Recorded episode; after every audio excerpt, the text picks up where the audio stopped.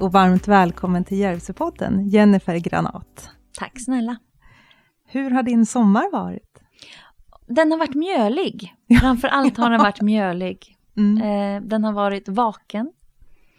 Och den har varit fantastisk. När har du klivit upp på morgnarna då, menar du? Vi, klockan ringer fem minuter över två går första larmet. Mm. Första larmet? Första larmet. Ja. Sen har jag två till nödlarm. Okay. Och vi ska åka, hela sommaren har vi åkt tio i tre. Mm. In till byn. Nu ska vi kanske förklara vart du har åkt. Mm. Du har åkt till brödbutiken. Vi har åkt till brödbutiken, Ja. jag och min dotter, hela Ja. sommaren. Vill du berätta lite? Du har ju startat den. Hur kom det sig att du började? med- Brödbutiken var egentligen en tanke att jag skulle hjälpa en tjej som heter Monica som har gårdsrestaurangen på Stenegård. Inte min mamma Monica, utan en annan Monica. Jag har jobbat med Monicas dotter i massa år, hon har jobbat åt mig. Och eh, hon behövde lite hjälp och baka lite bröd och sådär, hade vi en tanke om. Och, och någon romantisk idé föddes om att varför inte ha dörren på glänt och sälja lite bröd, för jag skulle få hyra en lokal av Monica.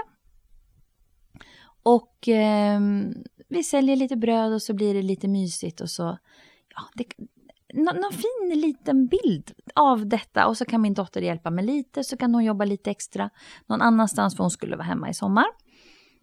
Eh, och, och vi har gjort allt det där, men väldigt mycket mer. Eh, vi, inte så mycket romantisk bild, utan väldigt mjölig bild. Vi har, jag tror vi, om vi är idag och nu, så tror jag vi närmar oss att vi har använt upp fyra ton mjöl. Mm. Det är jättemycket Det- mjöl. Ja, ver- verkligen. Så, så att det, Mm. Men den här lokalen, den, det är där du är då, den som du skulle få hyra av den henne? är eller? vi och Mm. den ligger ju snett emot Kreperiet Järvsö, Mm. eller mitt emot det nya trygghetsboendet, det gröna huset, på Stenevägen. Bästa placeringen, tycker jag. Helt fantastisk. Jag vet, jag tror inte jag förstod eh, hur bra det skulle bli.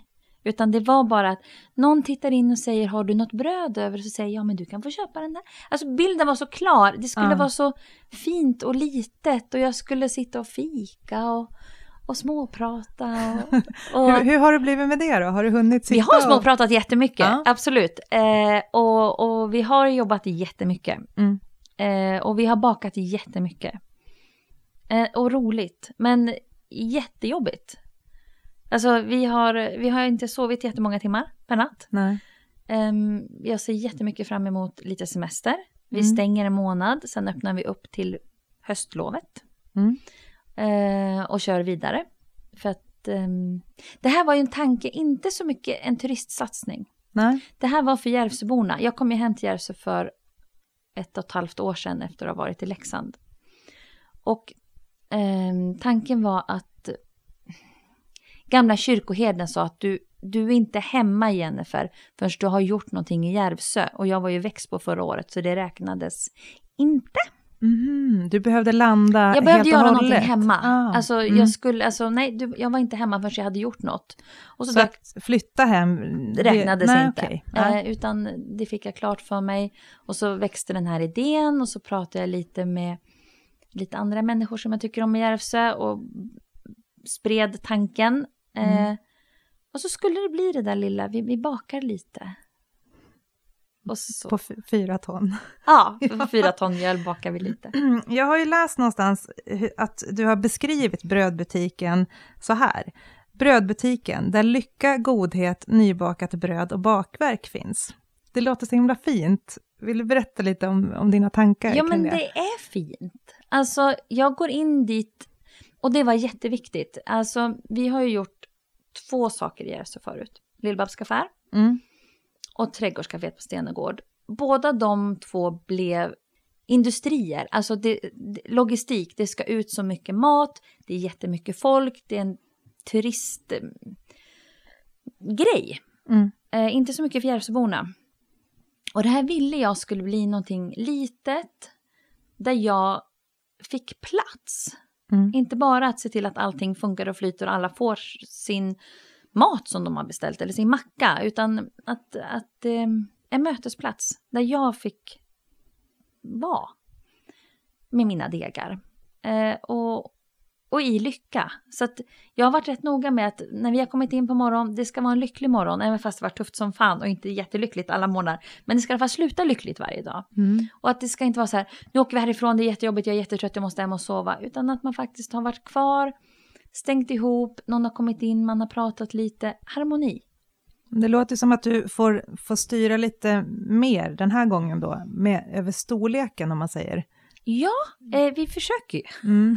Ja, Eh, men, men, och det är lite så här att ett, eh, om man låtsas att det är ett bageri, vi säger att det är en brödbutik, det är inte ett bageri och det är Mm. inte ett konditori och jag tänker inte försöka få det dit, utan det är min brödbutik, det är det jag gör. mm. Men om man, om man tänker att man har det så får man sälja slut. Just Har det. man en räkmacka, då får inte den vara slut, för då kommer någon från Skåne som har åkt hela vägen från Tokyo och så är den slut och då är det katastrof. När kanelbullarna är slut, då är de slut, för de ska Mm. sälja slut, för imorgon ska du baka nya. Men vilka är det som kommer och, och köper av dig då? Framförallt Järvsöbor, tror jag. Mm. Eh, det vill jag med, alltså... Jo, Järvsöborna. Mm. Och sen är det klart att det slinker in en och annan turist. För det är ju Eller också... folk med anknytning till Järvsö, som Ja. i sommar. Man, mm, jag har aldrig sett så mycket Järvsöbor i hela mitt liv.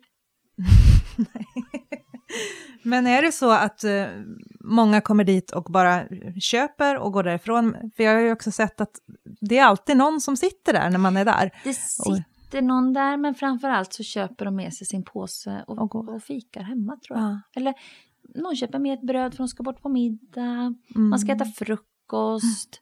Det är många män som kommer på morgonen och köper frukost hem till sina fruar, Mm. tänker jag mig. Eller så. Lite.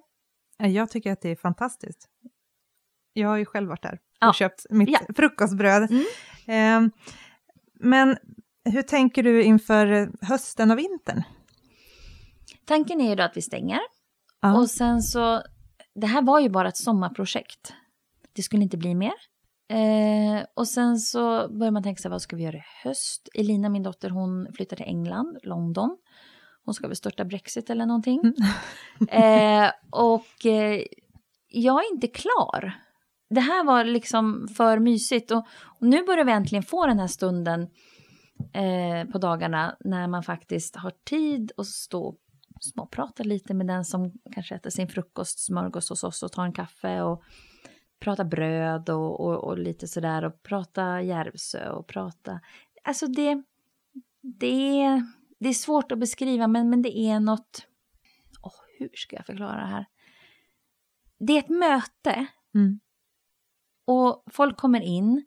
Det är bara positivt. De ska köpa sitt bröd eller dricka sin kopp kaffe. Det kommer in någon annan och sätter sig. Det pågår ett samtal som tar vid med någon ny person och någon annan går därifrån. Och jag får stå och lyssna och se det här hända. Och sen kommer in någon annan liten tant och då lyssnar de på henne.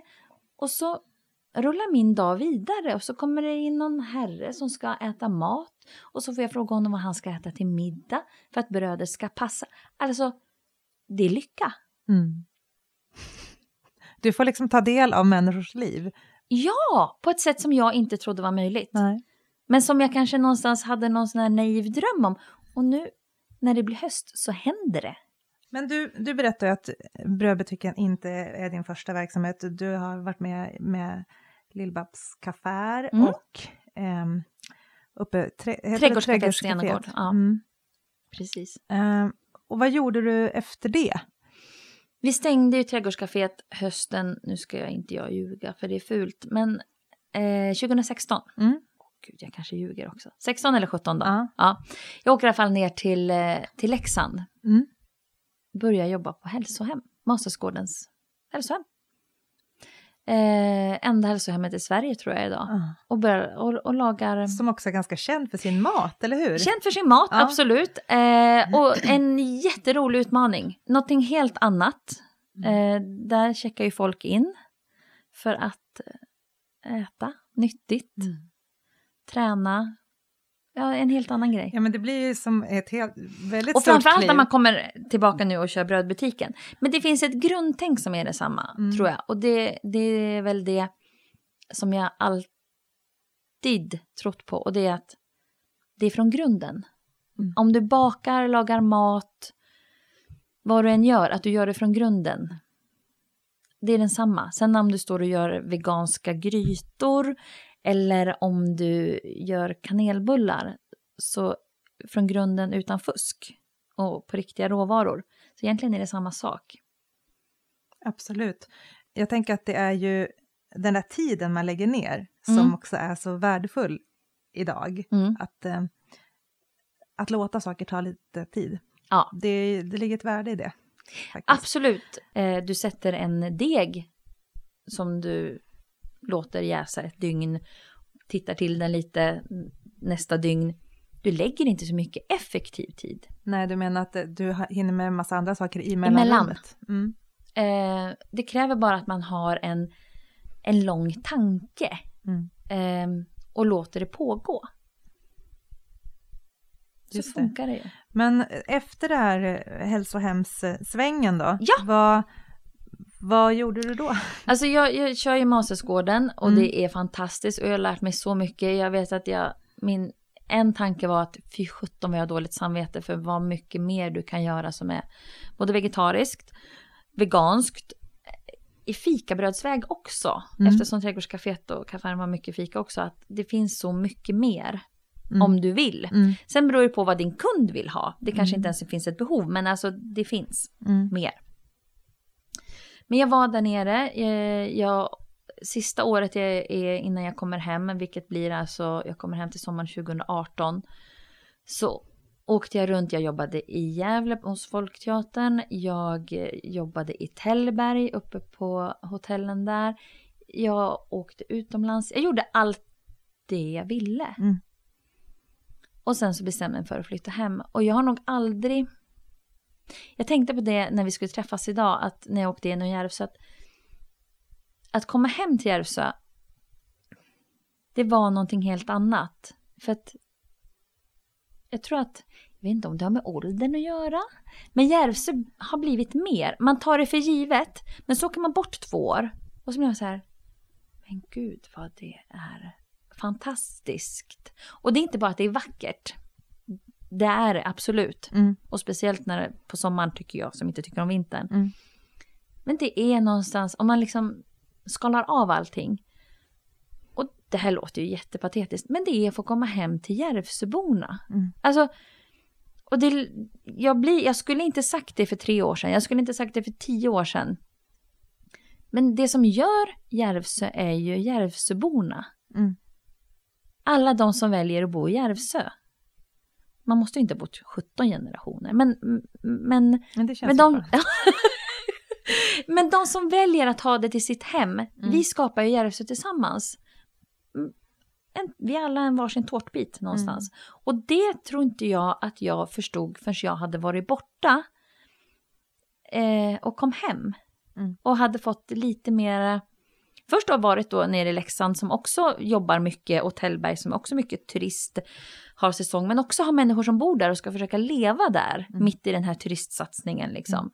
Att det, det är samma sak men det här är mitt hem och det som skapar det och som gör Järvsö unikt det är inte bara de blånande bergen och dalgången och allt det utan det är vi som bor här. Det är vi som är unika och det slog inte mig förrän jag kom hem den här gången.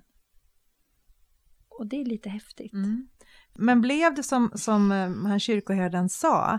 Ja, för jag kom ju hem. Ja. Jag, jag kände att det var dags att komma hem. Min mormor hade gått bort. Mm. Och vi har alltid haft, vi köpte hus 2003, jag och min dotter, och vi har haft det hela tiden. Och vi har hyrt ut det, det har stått tomt genom åren sådär, Mm. beroende på vad vi har haft för behov. Men i alla fall, så att jag, jag står där i valet kval, ska jag flytta hem, ska jag hitta på något annat, vad ska jag göra? Och då, eh, mormor går bort och jag är så här, jag hade väl två, något jobb i Tällberg och, och något annat sådär. Så bara, jag vill ha ett tredje alternativ, jag vill ha ett tredje alternativ. Och, och så på Facebook av alla ställen så ser jag att de söker någon som kan jobba i Växbo på bageriet. som eh, Per, Växbo krog. Växbo krog, ja, Mm. som Per har. Och han har ju också Bergshotellet i Järvsö, Mm. Den restaurangen. Men han söker i alla fall personal. Och jag har ju då in, inte sökt så många jobb i mitt liv. Jag har ljugit mig till mitt första matlagningsjobb eh, när jag var 25. Utan jag skickar bara ett mejl och så skriver jag vad sägs om mig? Och så skriver Mm. jag under med mitt namn eh, och före detta trädgårdscaféet Stenegård. Och då skriver han bara tillbaka, vill du ha jobb? Mm. Och det var, sen var det klart. Vilken, vilken skön ansökningsprocess. Var helt fantastiskt. Ja. Och det var jättekul att få komma, komma lagomt hem till Mm. Järvsö. Men du är ju född och uppvuxen här. Mm. Och du är ju barnbarn till Lill-Babs. Ja. Ehm, hur var det att växa upp här? Eh, vi flyttade upp hit när jag var åtta. Ja. Eh, jag har tillbringat mestadels av mina somnar här uppe som liten också. Mm. Eh, för mina föräldrar jobbade, så då var jag här uppe. Alltså, Järvsö har ju varit fantastisk. Och det måste finnas en anledning till att jag då flyttar upp när min dotter fyller fyra. Mm. Och gör ungefär samma sak, så att hon växer också upp i Järvsö. Mm. Det, det är tryggt att bo i Järvsö. För jag kan tänka mig att det var kanske an, lite annorlunda om man tänker utbudet och sådär när du var yngre. Ja, Järvsöbacken var ju inte lika stor. Nej. Det var Eh, kanske inte lika mycket tu- turisttryck då, eller? Det var det utifrån... Nej, det är absolut inte samma tryck. Nej. Men det var ju fortfarande att det kom folk på vintern. Mm. Alltså, det kom folk på sommaren. Det hände saker. Mm. Eh, det rörde sig folk på Stenegård. Stenegård var, minns man ju sen när man var liten. Det har ju hänt jättemycket. Mm. Eh, det ser inte ut som när jag var liten, men, men samtidigt så är inte eh, turisterna de samma heller. Alltså, som de var då. Mm. Eh, men, men samtidigt, jag tänker att, nej men, det, det var en trygg by och det är det fortfarande. Mm. Att bo i. Mm. Så tänker nog jag. Jag menar, det fanns inget zoo när jag var liten. Det gör det nu. Det fanns ingen pumptrack. Nej, just det. Det gjorde det inte förra året heller. Alltså, men, men samtidigt så känner jag att vi, alltså att bo i Järvsö är ju, det händer ju saker. mm. Eh, Men det hände saker när jag var liten också. Men jag minns så väl när vi flyttade upp, jag är åtta år. Och jag dansade ballett ah. Var flyttade du ifrån då? från Stockholm. Från Stockholm. Ja. Det fanns ju ingen ballett här. Det finns Mm. fortfarande ingen ballett tror jag. Kanske, jag vet inte. Det fanns ingen ballett i alla fall. Jag kunde få dansa jazzdans på Hälsingegården med tanterna. Mm. Det blev inget av mig där. Nej. Så att, men, eh, men det är nog den bästa platsen man kan växa upp på. Jag tror det, i efterhand. Och menar, nu, nu är det så roligt, man, man har den där lilla brödbutiken och man har haft lite annat. Gamla klasskompisar kommer in som hälsar på sina föräldrar. Alltså det finns ju något fint i att se den här gemenskapen att vi, men hur, jag springer ju inte ihop med dem jag gick i skolan med i lågstadiet i Stockholm, när jag är nere i Stockholm. Nej, Men här hemma på sommaren springer man ihop med sina klasskompisar från lågstadiet. just det. Även om, alltså, vare sig om de bor här eller om Mm. de återvänder då. Mm. Ja. Mm.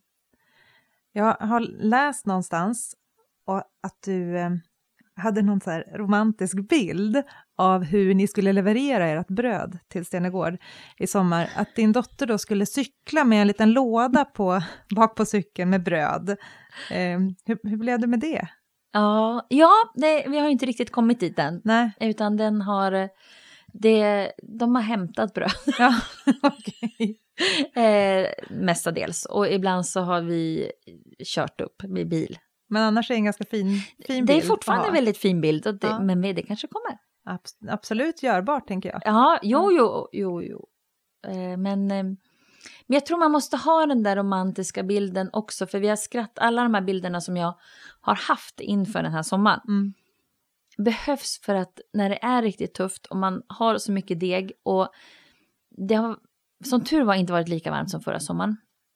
Men när det är riktigt varmt de här dagarna så brödet, eller degen jäser ju inte, den spricker mer innan den jäser för det är så varmt. Mm. Och då har man behövt de här romantiska bilderna av vad man trodde att det skulle bli så man i alla fall fått skratta åt sin naiva känsla lite. För det har, det har varit tufft. Alltså, Mm. eh, och, och man inser att okej, okay, vi bakar på så här många liter mjölk, bullar. Och räcker inte det, då, då kan vi inte göra så mycket åt det. Då får det ta slut. Mm. Alltså, vi kan inte göra mer. För vi kan inte baka mer. Nej. Det går liksom inte. Men det är ett lyckoproblem Mm. att bullarna tar slut. Mm. Det handlar om vilket sätt man tittar ut på det Ja. ifrån. Ja, Eh, jag har ju även ätit din mat faktiskt, för du, du caterar en del, eller? en del. Eh, Mm. Jag har väl varit lite så här... Det är inte så att jag har råd att välja vilka jag ska catera till. Men jag väljer i alla fall för att... För det första så ska jag göra det när, när någon frågar och så jag vet att jag gör ett, ett bra jobb. Mm. Eh, och det finns så många andra som är duktiga på andra saker. Så vill någon ha kött och potatis, då är inte jag den som ska göra det, för att det ligger inte i mitt intresse. Vill de ha en långkokt köttfärssås möjligen, men alltså jag tycker om den vegetariska maten. Mm. Eh, jag tycker om grönsakerna, jag tycker det är roligt att hålla på med privat också. Mm. Så att jag har ju caterat mat i rätt många år nu till Sissi som har Holistic Camp. Snabba fakta. Mellan juni och september erbjuder Järvsöbaserade Holistic Training sina populära Holistic Camps på Gamla Viks skola. Dessa helger fylls av yoga, löpning, träningsklasser, god mat och härlig samvaro. Man kan även välja till andra aktiviteter som förgyller och förhöjer vistelsen. Läs mer på holistictraining.se. Hennes mat har jag caterat till Mm. hennes camps ute i Vik skola. Och det var där jag åt. Där åt du. Ja, det Mm. var... Ja.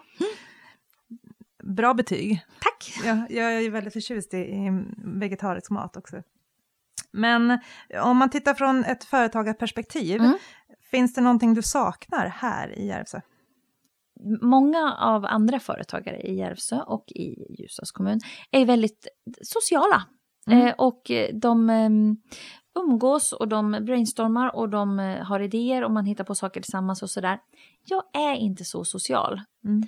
Ehm, jag tycker det är fantastiskt att folk gör det och att de, att de hjälper varandra och stöttar varandra. Och, och kommer någon in och, och jag sitter gärna och, så här spontant pratar idéer och tankar och sådär. Jag är inte så duktig på det. Du Att- menar så att uppstyrda nätverksträffar är inte går din... inte på, det funkar din inte, grej. det funkar Nej. inte för mig. Men eh, alltså, kom in och sätt dig så tycker jag både om att få goda råd och få dela med mig om jag har något att ge. Mm. Men jag, nej, nätverk funkar inte på mig. Jag vet inte, jag är väl väldigt eh, autistisk där helt enkelt. Eh, så den har jag nog inte så... Eh, jag skulle ju... Jag vill inte kasta sten i glashus. Jag skulle vilja ha en till mataffär. Mm. Eh, inte för att det är så att det, det är inget fel på vår ICA-butik, den är fantastisk, jag är jättetacksam. Men det räcker inte till. För Mm. när jag då som, som företagare måste fylla på mitt mycket lilla förråd och det tar slut och min leverantör... eh, Alltså logistiken håller inte, man, man köper inte tillräckligt med smör och så, eller sådär, så ska man fylla på. Så är det jättelång kö eller någonting är slut och, och, och då har inte mataffären räckt till i sommar. Och det är ju lika fantastiskt som att mina bullar tar slut egentligen. Ja, Men det blir frustrerande när jag vill ha fil och det inte finns någon mer fil Mm, i Järvsö, för då kan inte jag baka glödhöpper. Just det. Eh, Så att- Apropå glödhoppar. Eller var du färdig? Du vill... Ja, men jag, jo, jag ska önska att vi, alltså, jag tror ju att det här att man säger att det är bara under vecka nio vi behöver en till mataffär och bara två veckor under juli. Mm. Jag tror att vi antingen skulle behöva en större ICA-affär med en större parkering eller kanske en till mataffär. Någonstans där, men vi, vi, Mm. jag tror att det blir frustrerande. Men vi kan prata glödhöpper. Ja, säger man glödhöpper? Glödhöpper. Ja. Ja. ja, nu får jag väl stryk. ja. Ja, glödhöpper. Ja. ja, eh, är det ditt nya signum nu i, i brödbutiken eller? Det där är lite, vi, vi hade ju glödhöpan på en omåttligt populär räkmacka som Mm. vi tog fram till Lill-Babs affär. Eh, Det var den som blev känd över det- hela Hälsingland? den var eller? bara känd över hela Ja. Hälsingland och Tokyo och ja, det, Ja. Det, det blev en succé. Ja. Det går inte att säga någonting annat. Eh, och det var jättekul. Och den grundade sig på en glödhöpa. Eh, och idag gör vi den faktiskt inte om man inte förbeställer den. Mm. i brödbutiken. Man kan beställa den, men vi gör den inte, vi, vi, det är för mjöligt. Utan vi tar beställning om man beställer ett gäng någon dag i förväg. Så Okej. kan man absolut få den. Men vi gör glödhöpporna och vi gör dem på vårt vis som våran gammelmormor Brita har lärt oss. Eh, många gör dem runda. Eh, och lite större. Nu visar jag med fingrarna här Ja. så att du ser men ingen annan. Eh, men vi gör dem en hand stora i vår familj. Ja. Enligt gammelmormors recept så ska Mm. de vara lika stora som en hand. Det där fick man lära sig när man var liten på köksbänken Mm. och sitta med. Och vi gör dem likadana fortfarande. Och jag sa på skämt att jag skulle bli miljonär på glödhöppor när vi öppnade brödbutiken nu. För nu säljer vi dem. Mm. En för 12, tre för 30. Mm. Och de säljer. De säljer slut nästan varje dag. Det är jättekul. Och de är nybakta. Det är min dotter som har gjort dem hela sommaren. Stackars unge. Mm. Hon är 24 så hon är inte så liten. Men, men, men i alla fall. Eh, ja, jag kan inte säga att det är mitt nya signum. Men, men ja, den är bra. Ja. Den är fantastisk. Faktiskt. Eh, och nu, nu kör vi den. Är den från, från Järvsö? Alltså, är det någon lokal? Alltså vi i. Järvsö säger ju att den är lokal. Ja. sen, Ja. sen kanske någon annan by också säger att gröhöppan är... Jag tror att de flesta byarna har ju något sånt här bröd Ja. liknande För man gör det i, en I- i gjutjärnspanna. Mm. och steker. Jag menar, kommer du ner till Dalarna har ju de massa såna konstiga saker som gris, nej, kavelgris, heter, det? Ja, tuttul och kavelgris. De har också såna här konstiga bröd. Så att jag tänker att varje by har väl sitt Ja. bröd. Så, Men vad är det du gillar mest i din brödbutik då? Om du, om, har du någon favorit själv? alltså, det där, det där kommer och går. ja. lite. Jag är ju barnsligt förtjust i focaccian. Mm. Och den gör vi med en, eh, en jättegod olivolja som vi får från eh, två fantastiska människor som har en italiensk importfirma. Mm. Som tar, och den, det är något visst med den där olivoljan. Och det gör ju lite att Järvsö smakar lite mer Italien. Mm. Och det tycker jag om. Alltså, men det är min personliga. Så.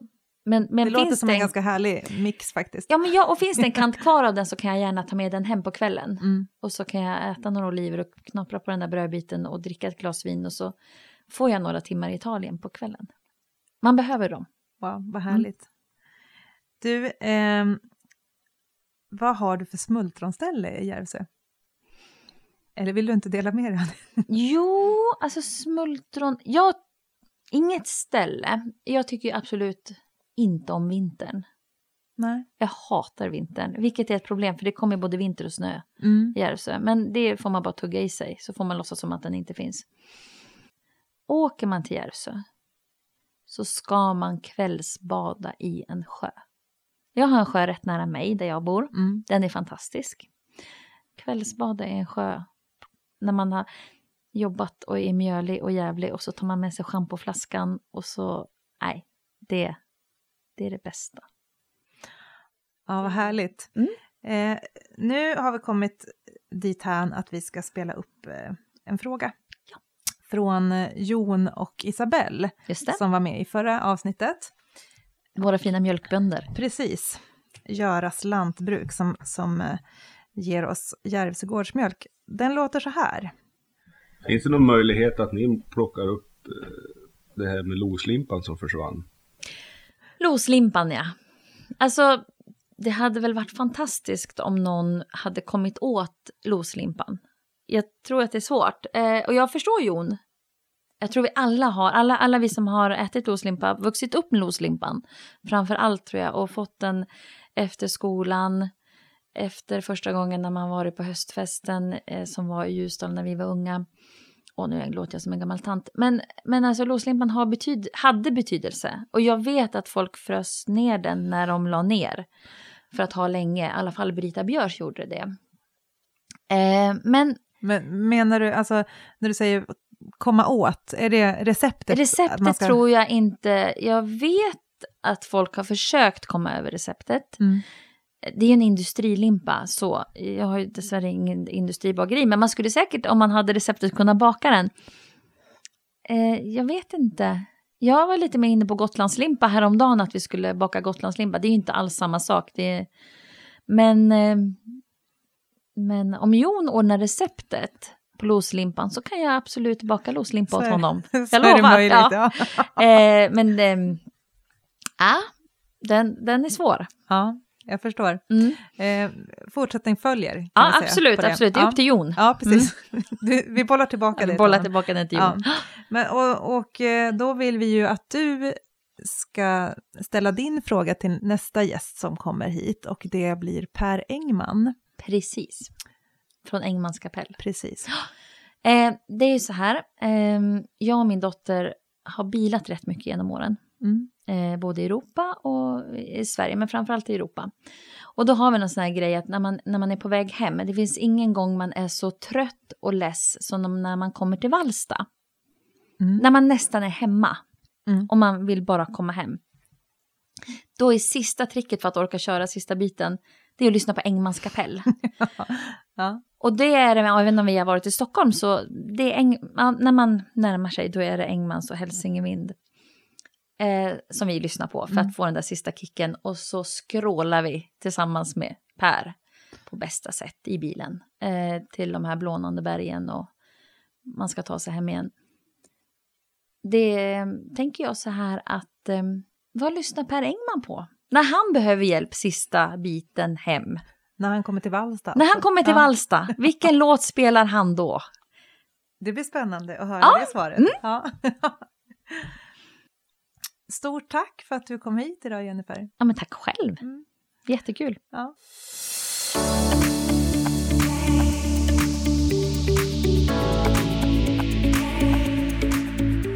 Jämställdhetspodden.